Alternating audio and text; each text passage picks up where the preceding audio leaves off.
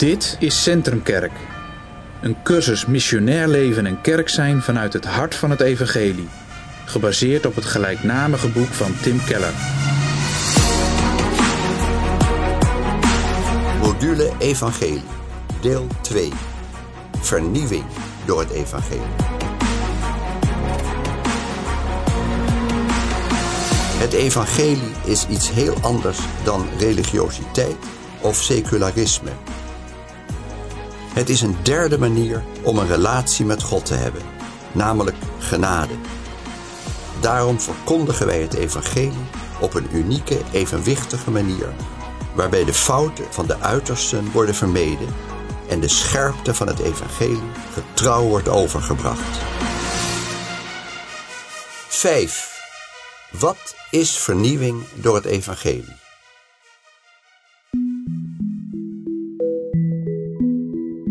Er zijn drie verschillende manieren om op God te reageren.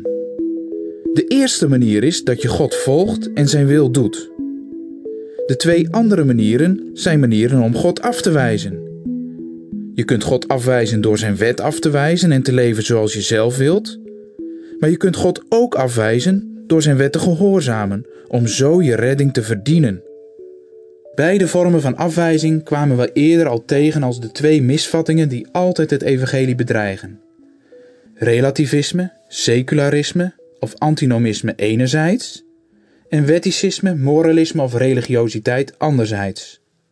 Secularisme wijst God af als Heer en Verlosser door Hem totaal te negeren, of door eigenwaarde te ontlenen aan het voldoen aan eigen waarden en normen. Wetticisme en religiositeit wijst God af als Heer en Verlosser door een moraliteit te ontwikkelen op basis waarvan God jou wel moet aanvaarden. Het Evangelie is echter totaal anders.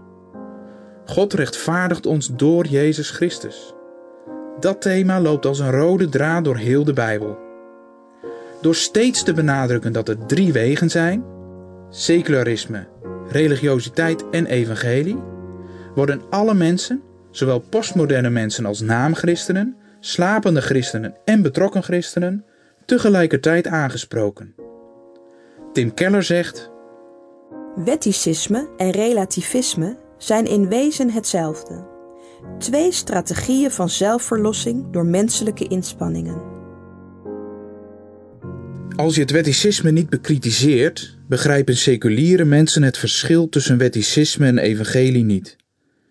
Alleen een goed inzicht in het evangelie van Gods genade biedt tegengif tegen bandeloosheid.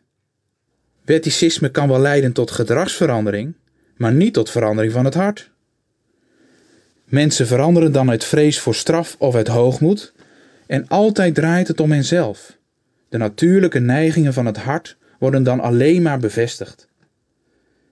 Wetticisme kan het hart hooguit ombuigen, soms zelfs breken. Het evangelie van Gods genade laat het hart smelten, zodat het opnieuw gevormd kan worden. Wetticisme leidt tot angst, hoogmoed, meedogenloosheid, gerichtheid op zichzelf, vreugdeloosheid, onzekerheid. Het evangelie geeft blijdschap, liefde, dankbaarheid, nieuwe neigingen van het hart die de dodelijke eigenwaan, het egocentrisme te lijf gaan. Wie echt wil veranderen, moet zich door het evangelie laten leren. Tim Keller zegt: Je moet je door het evangelie laten aanspreken. Je moet het evangelie diep in je laten doordringen totdat het je standpunten en motivatie verandert.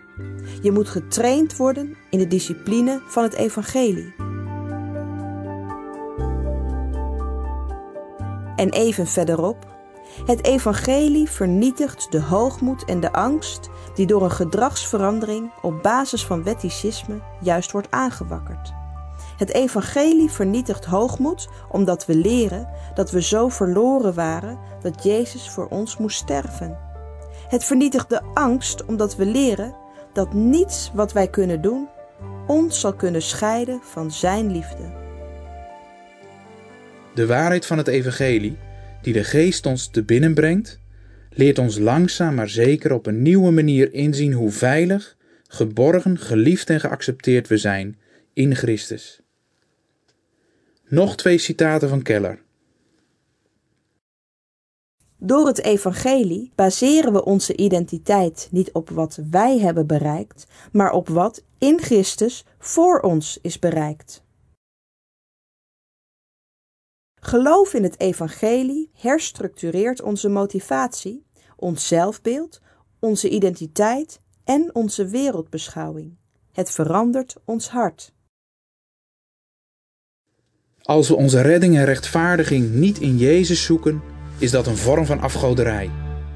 We zoeken onze acceptatie, vreugde, hoop en geborgenheid dan niet in Christus en God en zoeken die elders. Dat is dan onze God en daarmee de wortel van al onze andere zonden en problemen. We liegen, plegen overspel en stelen pas als we eerst iets anders dan God beschouwen als het fundament van onze hoop, blijdschap en identiteit. De wortel van alle zonde is ons gebrek aan geloof in de boodschap van het Evangelie dat Jezus en Jezus alleen ons rechtvaardigt en verlost.